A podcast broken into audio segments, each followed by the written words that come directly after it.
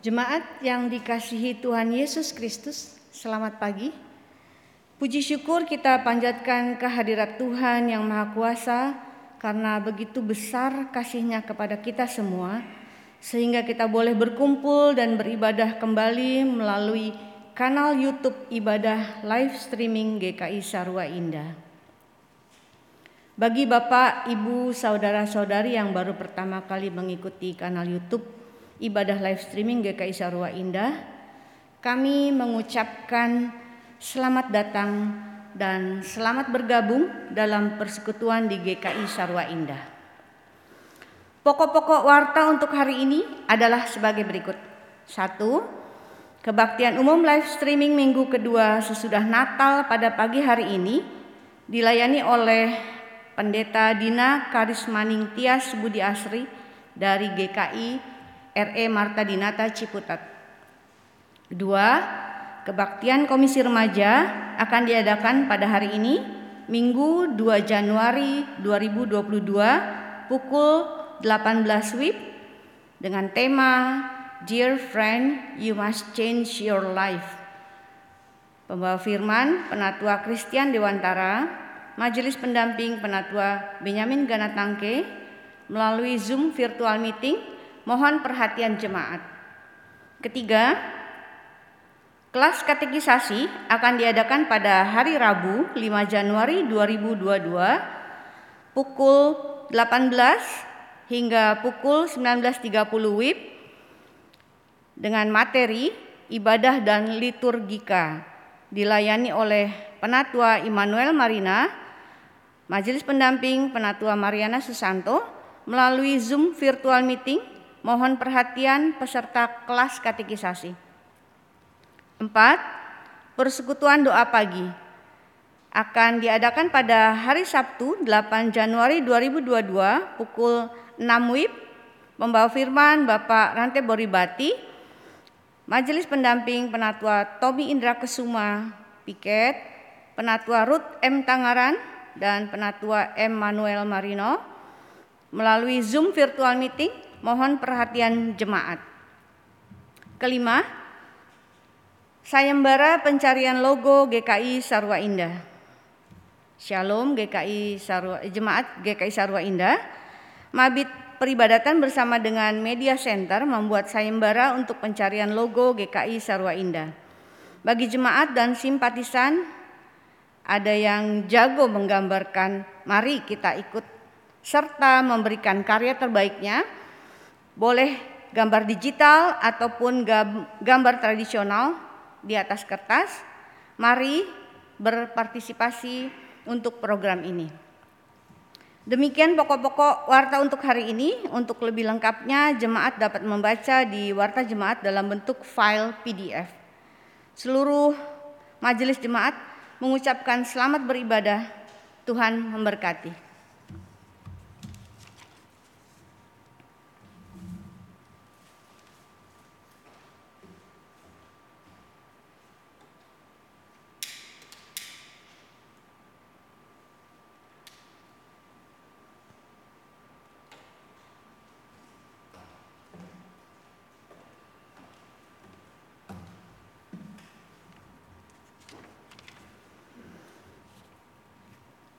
Saudara, minggu ini adalah minggu kedua setelah Natal.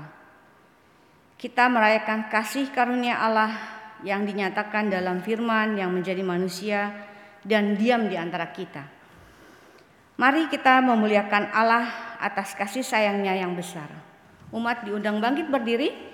Marilah kita menyanyikan Kidung Jemaat 14 bait 1 sampai 3 muliakan Tuhan Allah.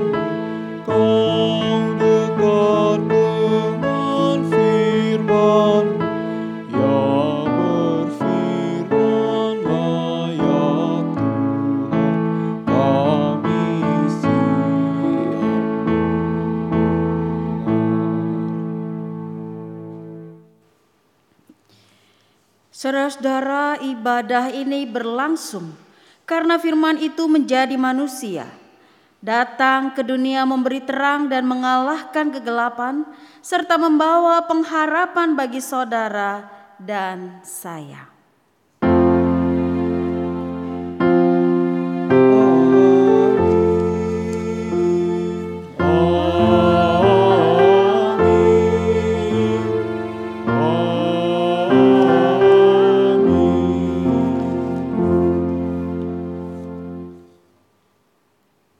Karunia dan damai sejahtera dari Allah Bapa kita dan dari Yesus Kristus Putra Tunggalnya kiranya menyertai saudara sekalian.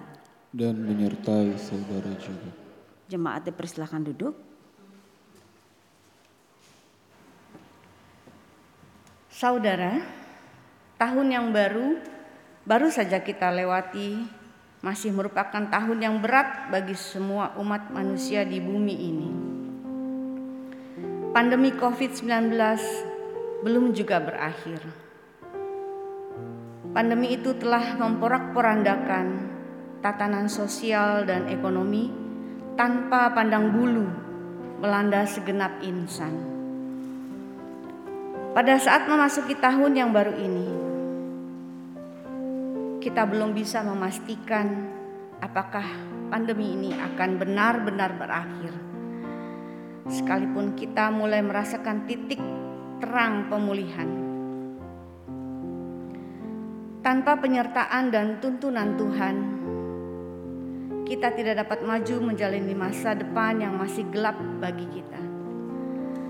Pengharapan kita adalah pada janji Tuhan bahwa Ia tidak akan meninggalkan kita. Kasih karunia-Nya memelihara dan menjadikan kita lebih kuat menghadapi pergumulan dan tetap melangkah maju. Marilah kita berdoa menyampaikan kelemahan dan keletihan kita menghadapi masa sukar ini dan memohon agar Tuhan senantiasa menyertai kita. Umat berdoa terlebih dahulu dan saya akan menutupnya dengan pengakuan doa pengakuan dosa. Mari kita berdoa.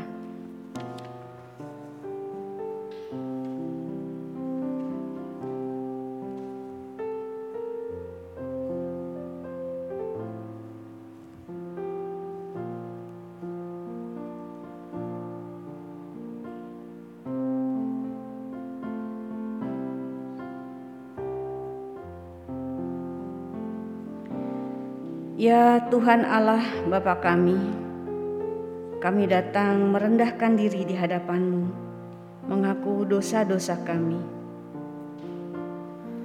Kami masih saja merasa khawatir, bahkan bersungut-sungut dalam menghadapi masa pandemi ini.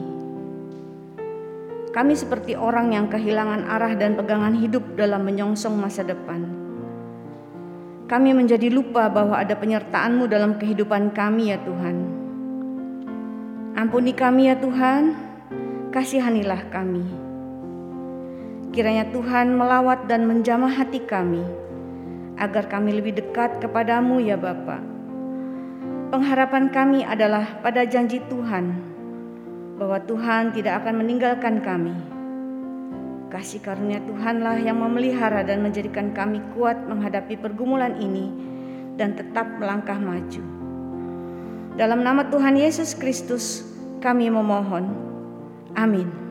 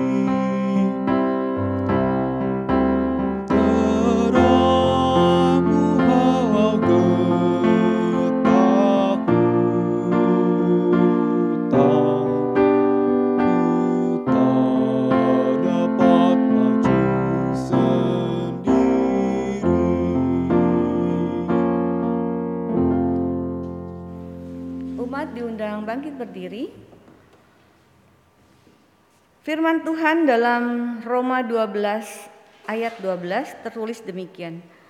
Bersukacitalah dalam pengharapan, sabarlah dalam kesesakan dan bertekunlah dalam doa.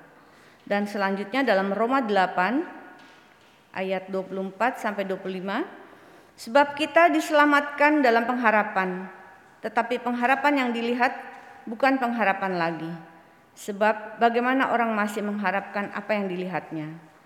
Tetapi kita, tetapi jika kita mengharapkan apa yang tidak kita lihat, kita menantikannya dengan tekun. Demikianlah berita anugerah dan petunjuk hidup baru, bagi kita dari Tuhan. Syukur pada Allah.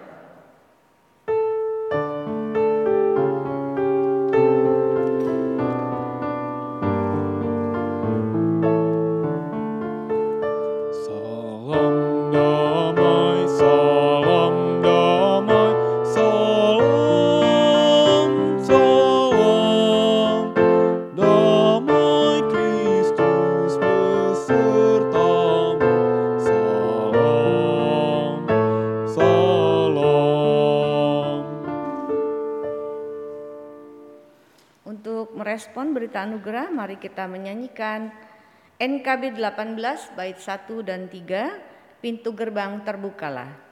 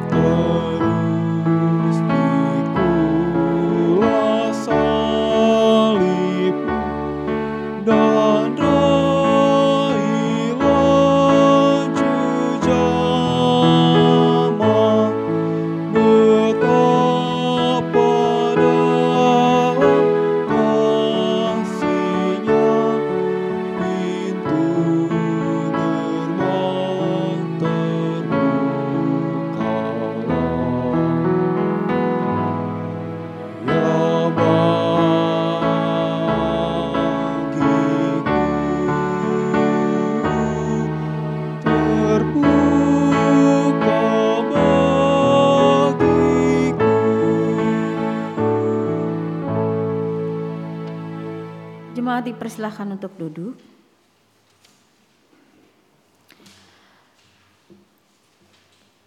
Bersama-sama kita akan berdoa sebelum kita mendengar firman Tuhan. Mari kita berdoa. Kami bersyukur ya Tuhan, ketika pada pagi hari ini kami boleh diizinkan Tuhan untuk beribadah walaupun kami harus mengikuti secara online. Kami pun bersyukur ya Tuhan di awal tahun 2022 ini. Kami kembali diingatkan betapa besar kasih karunia Tuhan bagi kehidupan kami. Kami bersyukur karena setiap langkah kaki kami selalu disertai, selalu dikuatkan, bahkan kami senantiasa dipelihara oleh Tuhan. Dan kami juga bersyukur ya Tuhan. Engkaulah Tuhan yang kelahirannya menyelamatkan kami. Dan dengan penuh rasa syukur ya Tuhan. Kami rindu untuk membaktikan diri kami padamu. Dan kami percaya ketika kami saat ini hendak mendengar firman-Mu. Makalah Engkaulah ya Tuhan yang menyapa kami pribadi lepas pribadi sehingga kami semakin diteguhkan dan kami dimampukan untuk tetap setia memelihara iman, untuk tetap setia melakukan kehendak Tuhan sampai akhir kehidupan kami. Oleh karena itu ya Tuhan, bersabdalah bagi kami. Kami sudah siap untuk mendengarnya.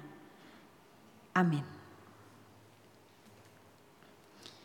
Saudara-saudara, pembacaan Injil Yesus Kristus diambil dari Yohanes pasalnya yang pertama, ayat yang ke-10 sampai ayatnya yang ke-18. Yohanes pasalnya yang pertama ayat yang ke-10 sampai ayatnya yang ke-18.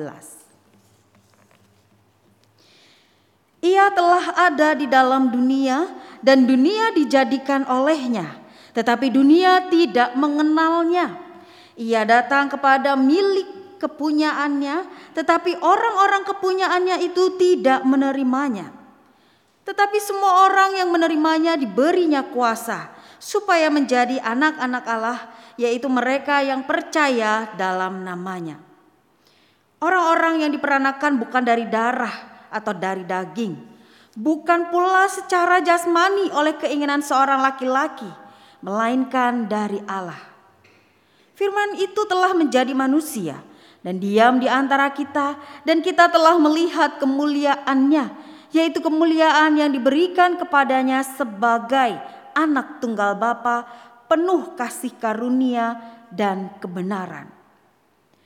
Yohanes memberi kesaksian tentang dia dan berseru katanya, Inilah dia yang kumaksudkan ketika aku berkata, Kemudian daripadaku akan datang dia yang telah mendahului aku, sebab dia telah ada sebelum aku.' Karena dari kepenuhannya kita semua telah menerima kasih karunia demi kasih karunia. Sebab hukum Taurat diberikan oleh Musa, tetapi kasih karunia dan kebenaran datang oleh Yesus Kristus. Tidak seorang pun yang pernah melihat Allah, tetapi anak tunggal Allah yang ada di pangkuan Bapa, dialah yang menyatakannya.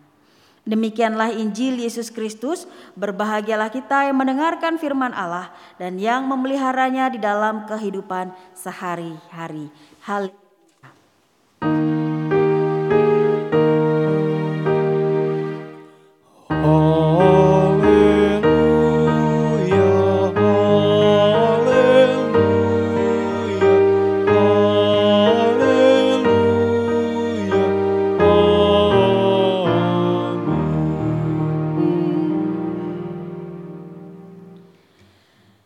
Selamat pagi saudara-saudara, baik itu saudara-saudara yang hadir secara onsite, para petugas kebaktian, pun juga saudara-saudara yang mengikuti ibadah secara online.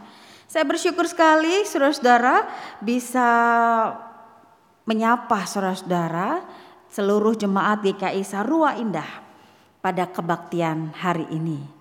Selamat tahun baru untuk kita semua. Ya, selamat tahun baru 2022.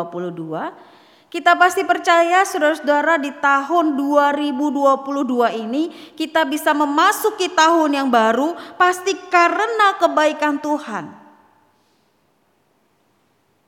Kalau kita merenungkan saudara-saudara tahun yang lalu, saya yakin dan percaya kehidupan kita tidak selamanya dalam kondisi yang baik-baik saja. Dalam perjalanan tahun 2021 pasti ada situasi yang kadangkala menyenangkan. Kadangkala juga situasi yang gak sesuai dengan apa yang kita harapkan. Tetapi toh saudara-saudara kita bisa sampai, kita bisa mengawali tahun 2022 ini. Semua karena kasih karunia Tuhan. Semua karena kebaikan Tuhan. Boleh minta tolong ditayangkan slide-nya? Ya. Semua karena kasih karunia Tuhan, Saudara-saudara. Kalau kita renungkan, apa sih kasih karunia Tuhan itu? Apa sebenarnya kasih karunia itu? Boleh next slide lagi? Lagi? Ya. Kasih karunia Tuhan itu saudara-saudara ada dua hal yang bisa kita mengerti gitu ya. Kasih karunia yang pertama sebenarnya artinya adalah sesungguhnya pemberian itu tidak layak diberikan pada kita. Sesungguhnya kasih karunia itu tidak layak diberikan kepada kita. Kenapa? Karena sebenarnya kita ini nggak layak. Karena kita umat yang berdosa. Karena kita ini adalah manusia yang penuh dengan salah dan dosa. Dan mestinya ini yang yang dimaksud dengan kita nggak layak. Lalu yang kedua adalah kasih karunia itu maksudnya adalah kasihnya yang tanpa syarat, nggak ada syarat dan ketentuan. Mari kita lihat satu persatu ya saudara-saudara. Yang pertama tadi kasih karunia artinya adalah kasih atau pemberian yang sebenarnya tidak layak diberikan kepada kita. Kita bisa baca saudara-saudara di dalam teksnya di ayat yang ke-14. Yohanes 1 ayatnya yang ke-14. Boleh next slide lagi saudara-saudara. Ya, di situ disampaikan bahwa firman itu telah menjadi manusia dan diam di antara kita dan kita telah melihat kemuliaannya, yaitu kemuliaan yang diberikan kepadanya sebagai anak tunggal Bapa, penuh kasih karunia dan kebenaran. Nah, Saudara-saudara, disampaikan bahwa firman itu telah menjadi manusia. Maksudnya apa, Saudara-saudara? Dia adalah Allah yang tidak hanya duduk dia melihat memperhatikan kita satu demi satu. Beberapa waktu yang lalu kita sama-sama merayakan Natal ya saudara-saudara. Beberapa waktu yang lalu kita sama-sama merayakan kelahiran Tuhan. Tetapi pertanyaannya saudara-saudara, apa makna Natal bagi kita? Natal bagi kita mestinya mengingatkan kita bahwa Dia adalah firman yang telah menjadi manusia, dan itu artinya, saudara-saudara, Dia mau mengerti apa yang dirasakan oleh manusia. Dia mau merasakan apa yang kita rasakan. Dan itu artinya saudara-saudara Natal itu mestinya dipahami bahwa itulah bukti nyata Tuhan mengasihi kita. Kenapa? Karena Tuhan mau merasakan apa yang dirasakan manusia. Dan bahkan saudara-saudara, Tuhan tidak hanya menjadi manusia, melainkan Dia melakukan karya penyelamatan. Dia menyelamatkan saudara-saudara dan juga saya. Bahkan karya penyelamatan yang harus ditempuh dengan jalan derita yang gak mudah. Jadi saudara-saudara kalau kita renungkan kembali sebenarnya kita ini nggak layak menerima kasih karunia Tuhan itu. Tetapi mengapa Tuhan masih saja memberikan kasih karunia itu pada kita? Bahkan harus dengan jalan derita. Ini menjadi bukti saudara-saudara bahwa begitu besarnya kasih Tuhan bagi kita. Ini menjadi tanda, menjadi tanda nyata. Tuhan sangat mengasihi kita. Tuhan menganggap saudara-saudara dan juga saya itu adalah pribadi yang sangat berharga. Sangat berharga. Sampai Tuhan sendiri rela loh menjadi sama, menjadi manusia. Dan itu berarti saudara-saudara Tuhan itu hadir dalam kehidupan kita. Tuhan juga menyelamatkan kita. Walaupun saat ini saudara-saudara kita nggak bisa melihat Tuhan secara fisik bentuknya seperti apa. Tetapi kita bisa merasakan kebaikan-kebaikan Tuhan.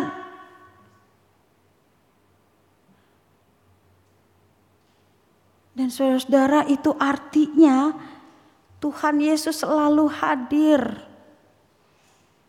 Saya pernah suatu kali saudara-saudara eh, mengajar katekisasi.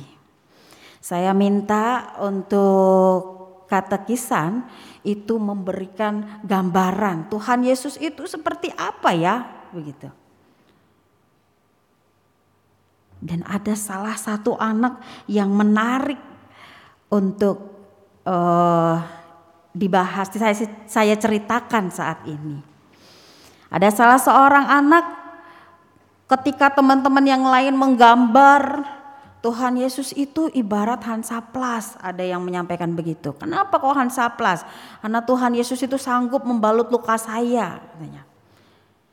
Ada satu anak yang dari tadi gitu ya, saya perhatikan itu nggak nggak mau gambar, nggak gambar apa-apa. Lalu saya tanya, kamu kenapa nggak gambar? Bu, dia bawa kertas kosong. Dia lalu menyampaikan, Bu ini loh Tuhan Yesus. Maksudnya apa? Nggak kelihatan kan? Katanya. Nggak kelihatan kan? Iya lalu. Tapi kebaikannya bisa kita rasakan. Jadi saudara-saudara walau Tuhan itu nggak kelihatan secara fisik, tidak nampak secara fisik tetapi kebaikannya, kasih karunia-Nya berlaku dan selalu kita rasakan dalam kehidupan kita. Padahal sebenarnya kita nggak layak loh. Tapi kita diberikan itu, diberikan kasih karunia itu. Begitu besarnya kasih Tuhan bagi kehidupan kita, saudara-saudara. Bahkan kasih karunia itu tidak hanya berhenti pada saat ketika Yesus harus melalui jalan derita. Kasih karunia Tuhan juga bisa kita rasakan dalam kehidupan kita saat ini. Yang kedua, saudara-saudara, Kasih karunia yang Tuhan berikan itu adalah kasih yang tanpa syarat. Kalau di dalam Injil Yohanes disampaikan di ayatnya yang ke-10. Ia telah ada di dalam dunia dan dunia dijadikan olehnya. Tetapi dunia tidak mengenalnya. Ia datang kepada milik kepunyaannya tetapi orang-orang kepunyaannya itu tidak menerimanya. Nah saudara-saudara kehadiran Yesus itu dikatakan telah ada di dalam dunia tapi Yesus ditolak. Walaupun Yesus menerima penolakan saudara-saudara, Yesus tidak hanya berhenti, ya sudahlah aku ditolak, ya sudahlah aku tidak diterima. Gak hanya berhenti pada penolakan lalu kemudian menyerah. Tetapi kasih karunia yang diberikan Tuhan pada kita itu terus diwujudkan. Bahkan kalau kita renungkan, tetapi semua orang yang menerimanya diberinya kuasa supaya menjadi anak-anak Allah, yaitu mereka yang percaya dalam namanya. Ini artinya saudara-saudara, walaupun Yesus ditolak, walaupun Yesus mengalami eh, penolakan dan tidak diterima, Yesus tidak hanya berhenti pada penolakan tetapi Yesus terus berusaha untuk menunjukkan kasih karunia-Nya untuk memberikan kasih karunia-Nya pada manusia, pada kita.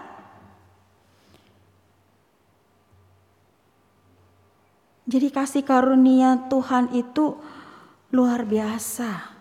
Walaupun kita nggak layak, kita diberikan kasih karunia itu untuk pada kita. Walaupun kita nggak layak, walaupun manusia menolak, tetapi lagi-lagi Tuhan terus menyatakan kasih karunia.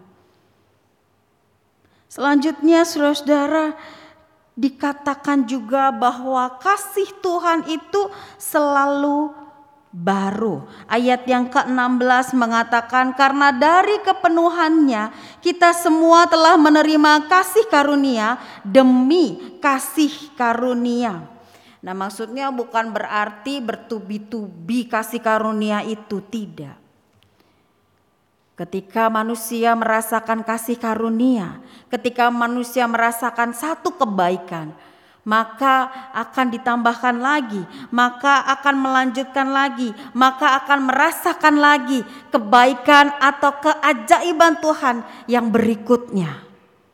Jadi semakin kita mengalami, menyelami kasih karunia Tuhan, maka kita akan semakin menyelami lagi betapa baiknya Tuhan dalam kehidupan kita. Jadi kalau kita merasakan baiknya Tuhan, semakin kita menyalami, semakin kita merenungkan, semakin kita merasakan lagi kasih karunia Tuhan itu jauh lebih besar. Bahkan kasih Tuhan itu selalu baru. Baru di sini bukan berarti yang lama sudah usang atau yang lama itu sudah rusak. Tidak. Kasih karunia Tuhan yang selalu baru itu artinya adalah kasih karunia yang membuat kita semakin takjub. Karena kasih karunia yang Tuhan berikan itu sesuai. Diberikan pada kita sesuai dengan apa yang kita butuhkan. Nah saudara-saudara yang dikasihi Tuhan Yesus Kristus. Kalau kita juga merenungkan di dalam bacaan kita yang lain. Itu juga berbicara tentang kasih karunia. Di dalam Efesus 1 ayat 3 sampai 14. Di situ juga disampaikan kasih karunia Tuhan bagi kita. Kalau kita baca di ayat yang ketiga. Terpujilah Allah dan Bapa Tuhan kita Yesus Kristus yang dalam Kristus telah mengaruniakan kepada kita segala berkat rohani di dalam sorga. Kasih karunia yang Tuhan berikan itu dalam bentuk berkat rohani. Jadi kalau kita di dunia sering merasakan, kalau kita di dunia sering menyebutkan, aku dapat berkat dari Tuhan, itu selalu dikategorikan dengan hal-hal yang sifatnya materi, begitu ya. Kesehatan, dapat kesuksesan. Tetapi saudara-saudara Efesus mengajak kita bahwa kasih karunia yang Tuhan anugerahkan itu adalah berupa berkat rohani yang kita sama-sama imani dalam karya penyelamatan yang Tuhan anugerahkan dalam hidup kita. Dan saudara-saudara kasih karunia yang Tuhan berikan bagi kita. Itu juga kasih karunia yang diberikannya dengan kerelaan. Dikatakan di dalam Efesus 1 ayatnya yang kelima dalam kasih ia telah menentukan kita dari semula oleh Yesus Kristus untuk menjadi anak-anaknya sesuai dengan kerelaan kehendaknya. Jadi kasih karunia berkat rohani yang Tuhan anugerahkan itu bukan karena paksaan. Tetapi memang karena kerelaan Tuhan pada kita. Lagi-lagi saudara-saudara, semua yang dilakukan karena Tuhan sangat mengasihi kita. Tuhan sangat mencintai kita. Tuhan melihat kita itu semuanya berharga di mata Tuhan tanpa terkecuali. Jadi jangan sia-siakan hidup kita saudara-saudara. Di tahun 2022 nanti jangan sia-siakan hidup kita Karena Tuhan itu menganggap kita itu sangat berharga. Karena Tuhan mengasihi kita sebegitu besarnya. Dan saudara-saudara yang dikasihi Tuhan, kasih karunia juga bisa kita lihat di dalam bacaan pertama di Yeremia 31 ayat yang ke-7 sampai 14. Di situ dijelaskan kasih karunia Tuhan dalam berbagai macam. Yang pertama adalah Tuhan menyelamatkan umatnya. Tuhan menyelamatkan umatnya. Lalu Tuhan akan memberikan penghiburan. Tuhan juga akan memimpin di jalan yang rata. Tuhan akan memimpin di jalan yang rata. Ini janji Tuhan, saudara-saudara. Tuhan akan memimpin di jalan yang rata. Lalu kemudian selanjutnya adalah Tuhan mengubah perkabungan menjadi kegirangan. Itu berarti saudara-saudara ini loh kasih karunia yang Tuhan berikan yang begitu banyak, begitu luar biasa. Jadi jangan hanya berpikir kalau kasih karunia Tuhan itu hanya sebatas materi. Tapi sesungguhnya kita mestinya bersyukur ketika Tuhan itu memberikan kasih karunia dalam bentuk misalnya penghiburan, dalam bentuk misalnya kedamaian. Terlebih lagi kita mestinya bersyukur saat kita meyakini, mengimani Tuhanlah yang sanggup menyelamatkan kita. Jadi kalau saudara-saudara saat ini bisa ibadah gitu ya, bisa melewati tahun 2021 dengan segala dinamika yang ada dan saudara-saudara bisa ada turut serta dalam kebaktian pada pagi hari ini. Mestinya kita diingatkan untuk bersyukur.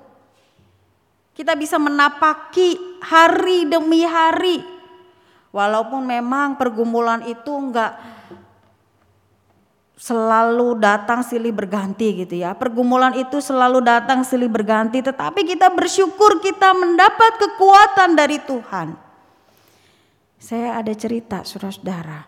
Saya pernah melayani di salah satu jemaat di Semarang. Saya berjumpa dengan oma, seorang oma. Beliau itu punya sakit oh, kencing manis. Jadi mengharuskan beliau untuk menggunakan uh, popok begitu. Yang saya menjadi uh, salut atau kagum dengan beliau adalah beliau itu luar biasa hebatnya.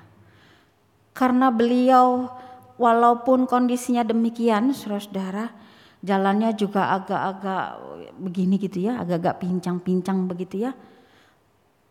Ditambah lagi, mohon maaf di bagian belakangnya itu ada luka. Karena keseringan pakai uh, popok. Dan lukanya itu saudara-saudara sekecil memang kalau dari luar. Rupanya kalau dokter bilang karena waktu itu saya ikut mengantar, Ternyata dalamnya kalau kata orang Jawa itu kopong gitu ya. Dalamnya kosong. Dan setiap minggu oma ini harus datang dua kali ke rumah sakit. Dan saya ketika ngobrol saudara-saudara saya nanya, Oma, Oma seminggu datang berapa kali? Dua kali. Dan setiap datang saudara-saudara harus disuntik. Ditambah lagi harus mengeluarkan biaya untuk transport.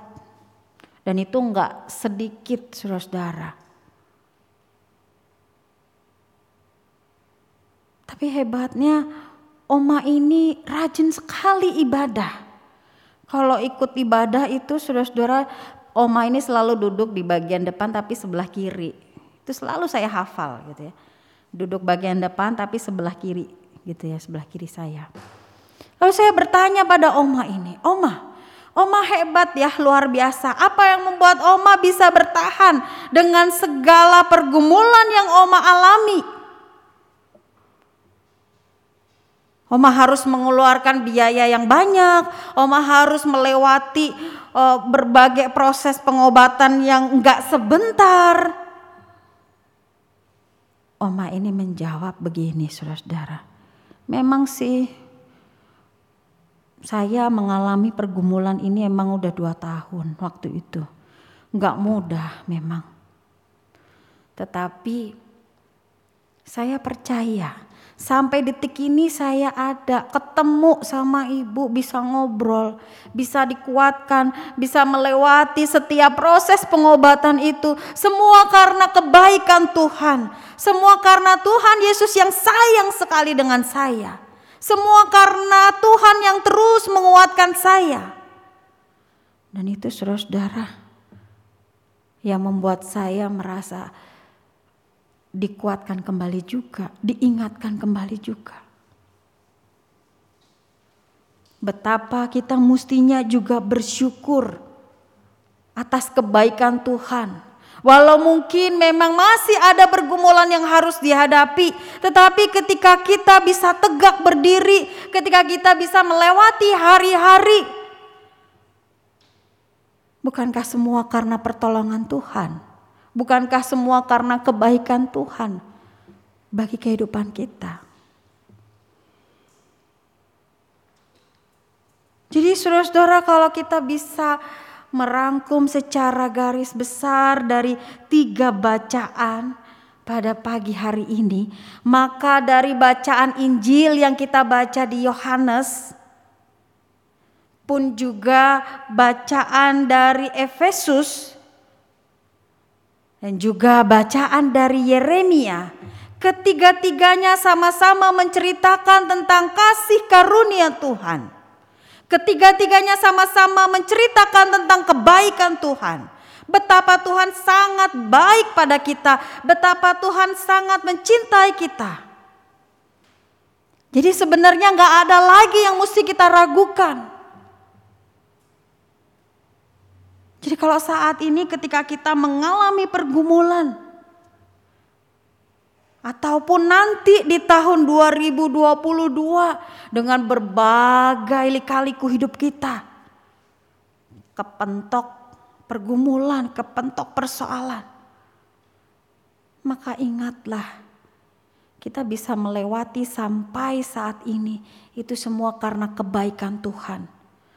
Maka Tuhan yang sama juga yang pasti akan menguatkan kita, setiap kita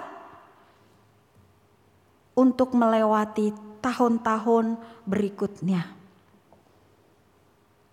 Jadi nggak ada lagi yang perlu diragukan. Ditambah lagi kalau kita mengingat lagi firman menjadi manusia. Tuhan saja rela kok menjadi manusia. Tuhan saja rela kok memberikan nyawanya. Nyawa itu kan sesuatu yang paling berharga dalam kehidupan kita. Kalau materi bisa dicari, tapi kalau nyawa, tapi itu yang diberikan Tuhan pada kita.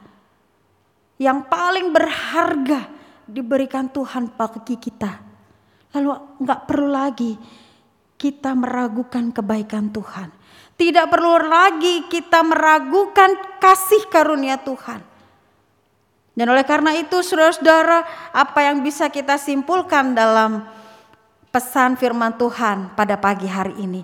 Yang pertama adalah kita diingatkan bahwa Tuhan itu adalah Tuhan yang selalu hadir dalam setiap hal yang kita lalui.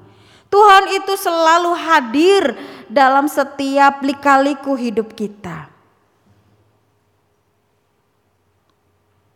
Yang kedua, ketika kita menyadari bahwa Tuhan itu selalu hadir, maka sebagai umat percaya, umat yang dikasihi Tuhan, mestinya kita bersyukur dan bersuka cita. Kita bersyukur karena Tuhan itu selalu hadir dalam kehidupan kita. Kita bersuka cita karena Tuhan itu selalu menguatkan kita. Kita bersyukur karena Tuhan selalu memberikan kasih karunia bagi kita. Kita bersyukur, bersuka cita.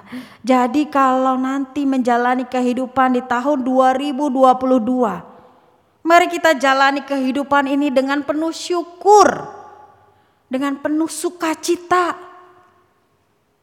Bersyukur. Kita masih punya Tuhan yang begitu baik. Bersyukur kita punya Tuhan yang selalu hadir. Bersyukur kita punya Tuhan yang selalu menguatkan. Dan yang ketiga, saudara-saudara, apa yang bisa kita lakukan dalam hidup kita? Percaya. Percaya pada Tuhan. Percaya bahwa Tuhanlah yang sanggup menolong kita. Jadi tiga hal yang menjadi pesan firman Tuhan kita pada pagi hari ini. Bahwa Tuhan selalu hadir. Maka kita harus bersyukur dan bersuka cita. Lalu yang ketiga adalah kita terus percaya mengandalkan hidup kita pada Tuhan. Mempercayakan kehidupan kita pada Tuhan. Selamat menjalani tahun 2022 dengan tetap bersyukur, bersuka cita, dan percaya bahwa Tuhan selalu hadir dalam setiap kehidupan kita. Tuhan memberkati.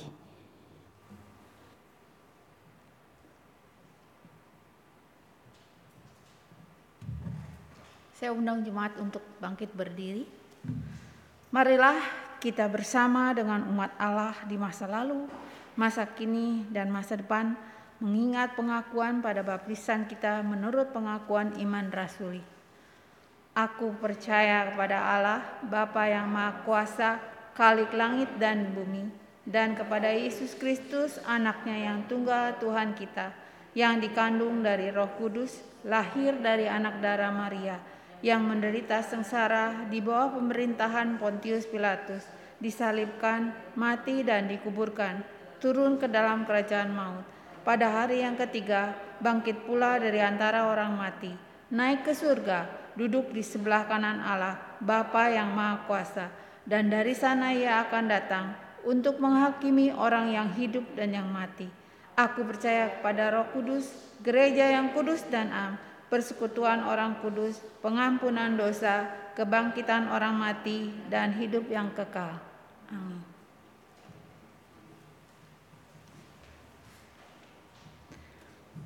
Mari silakan umat untuk duduk. Kita akan masuk dalam doa syafaat. Mari kita satukan hati kita di dalam doa.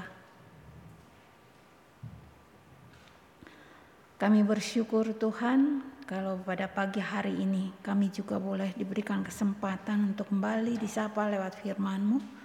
Terima kasih ya Bapa, kami untuk boleh diingatkan untuk belajar bersyukur, belajar untuk mengenal bahwa Engkau selalu hadir dalam setiap kehidupan kami. Belajar percaya bahwa Engkau selalu ada menyertai kami. Terima kasih Bapak untuk firman-Mu pagi ini. Berkati pendeta Dina di dalam kehidupan pelayanan dan juga aktivitasnya. Biarlah nama Tuhan yang senantiasa dimuliakan dan ditinggikan. Pagi ini Tuhan kami juga mau bersyukur untuk lahan kami di Dusun Tiga. Tuhan kiranya Engkau juga yang memberikan hikmat bagi kami, para majelis dan BPA untuk boleh mengelola lahan di Dusun Tiga ini dengan baik. Kami juga bersyukur Tuhan untuk lahan di Nusa Loka yang sampai saat ini kami boleh mendapatkan izin pemanfaatan lahan dan saat ini sedang memproses untuk perizinan pembangunan bangunan gedung gereja. Tuhan kiranya Engkau yang memberkati panitia pembangunan baik dari GKI Serpong maupun dari GKI Sarwa Indah. Biarlah Tuhan juga yang menyertai dan memberikan hikmat sehingga proses perizinan ini boleh berjalan seturut dengan kehendak Tuhan dan pada saatnya nanti kami juga boleh mendapatkan izin bangunan. Kami juga bersyukur Tuhan untuk gedung sekretariat yang saat ini boleh kami pakai untuk melakukan ibadah. Tuhan Engkau juga yang memberikan kepada kami hikmat untuk kami boleh mengelolanya dengan baik. Terima kasih Tuhan kami juga pada waktu lampau kami boleh menggunakan sekolah Nusa Indah Dan biarlah Tuhan juga yang menyertai dan memberkati Yayasan Nusa Indah di dalam aktivitas pendidikan. Terima kasih Bapak untuk kasih karunia Tuhan yang boleh terus menyertai kami. Kami mau menyerahkan doa pada pagi hari ini ke dalam tangan pengasihan Tuhan. Di dalam nama Tuhan kami Yesus, kami berdoa dan bersyukur. Tuhan kami masih melanjutkan syafaat kami. Kami bersyukur ketika Engkau mengingatkan kami betapa besar kasih karunia Tuhan bagi kehidupan kami. Bahkan kasih karuniamu ya Tuhan Engkau anugerahkan melalui karya keselamatan yang Tuhan sudah kerjakan bagi kehidupan kami. Kami juga bersyukur ya Tuhan ketika kami juga boleh diingatkan kembali saat kami bisa menjalani hari demi hari, bahkan sampai detik ini, ya Tuhan, semua karena kebaikan Tuhan. Maka biarlah kami menjalani tahun 2022 ini dengan keteguhan, dengan rasa syukur, dengan penuh sukacita, seraya kami boleh percaya pada Kristus Kristus Tuhan yang telah menyelamatkan kami dan juga yang telah hadir dan senantiasa menguatkan setiap kami. Kami juga saat ini bersyukur ketika kami boleh menaikkan syafaat kami. Kami berdoa untuk saudara-saudara kami yang berulang tahun. Kami berdoa untuk saudari Emmanuel, eh, saudari Zevanya Hutasoid, Penatua Emmanuel Marina, Ibu Lydia Pamela Patricia, Ibu Dona Ermanurung, Saudari Wira Jana Triana Hutapea, kami menyerahkan untuk saudara-saudara kami ini yang pada minggu ini ya Tuhan, saudara-saudara kami ini boleh Tuhan berikan satu tahun pertambahan usia. Tuhan kiranya terus menuntun, Tuhan juga mengingatkan saudara-saudara kami ini, biarlah di pertambahan usianya kali ini ya Tuhan, saudara-saudara kami ini boleh semakin mencintai Tuhan, semakin mengandalkan Tuhan dan terus senantiasa percaya bahwa Tuhanlah yang menuntun langkah saudara-saudara kami ini.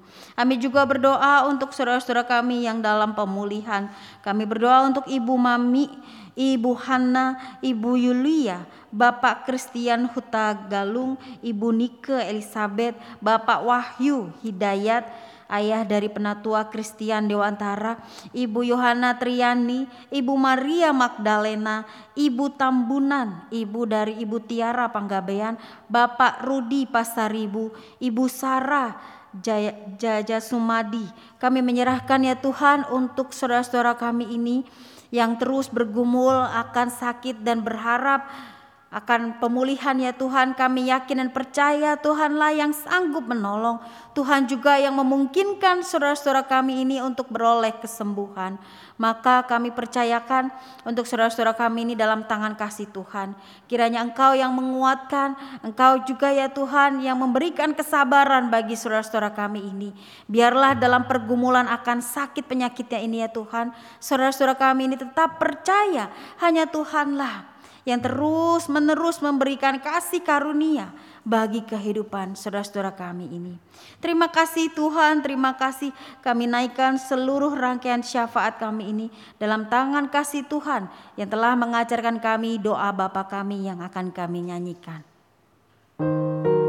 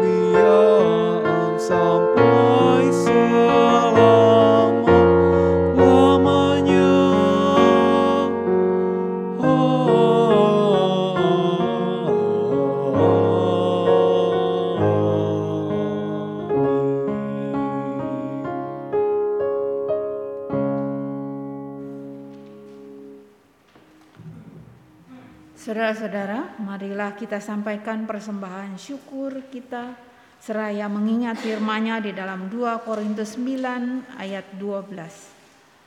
Sebab pelayanan kasih yang berisi pemberian ini bukan hanya mencukupkan keperluan-keperluan orang-orang kudus, tetapi juga melimpahkan ucapan syukur kepada Allah. Mari kita memberikan persembahan sambil diiringi dari pujian dari PKJ 150 bait 1, 3 dan 4. Ya Tuhan, hanya inilah.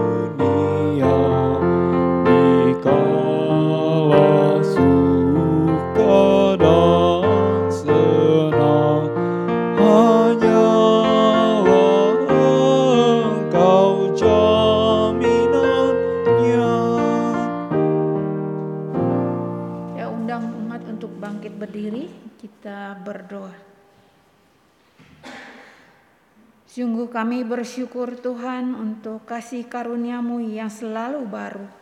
Dan saat ini kami mau membawa dan menghaturkan persembahan kami ini dengan segenap hati kami. Kiranya Engkau yang kuduskan dan terimalah ya Bapa untuk boleh menjadi pelebaran kerajaan surga. Berkati tangan-tangan yang mengelola dan berikan juga hikmat yang daripada Tuhan. Inilah syukur dan persembahan kami yang kami naikkan di dalam nama Tuhan kami Yesus, kami berdoa.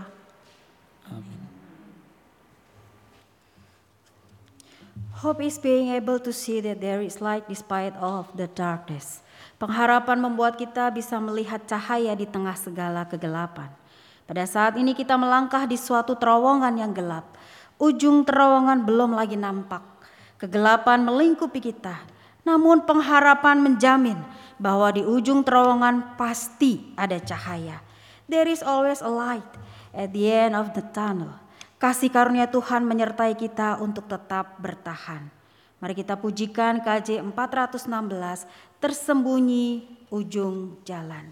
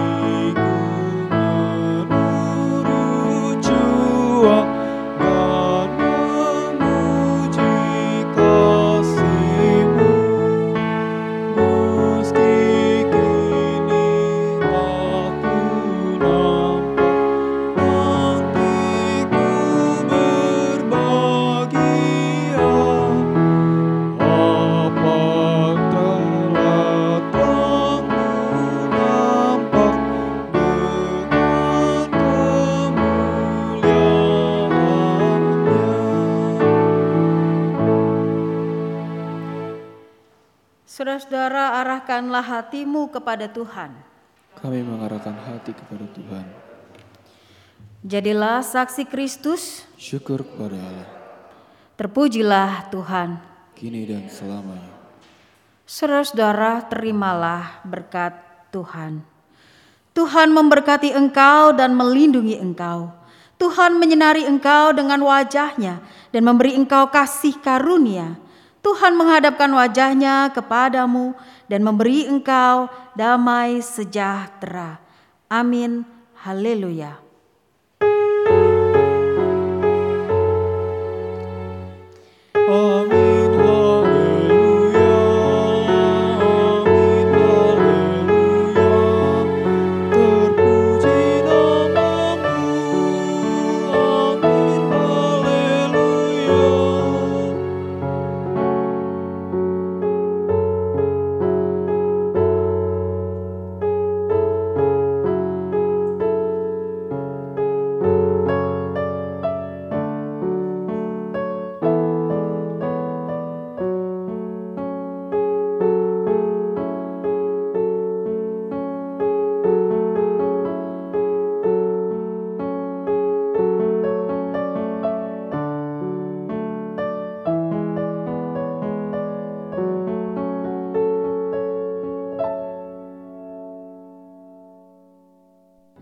Teman-teman jangan lupa ya untuk ikut ibadah Komisi Remaja setiap hari Minggu jam 6 sore eh, di aplikasi Zoom. Selamat hari Minggu. Selamat hari Minggu. Minggu. Selamat Minggu.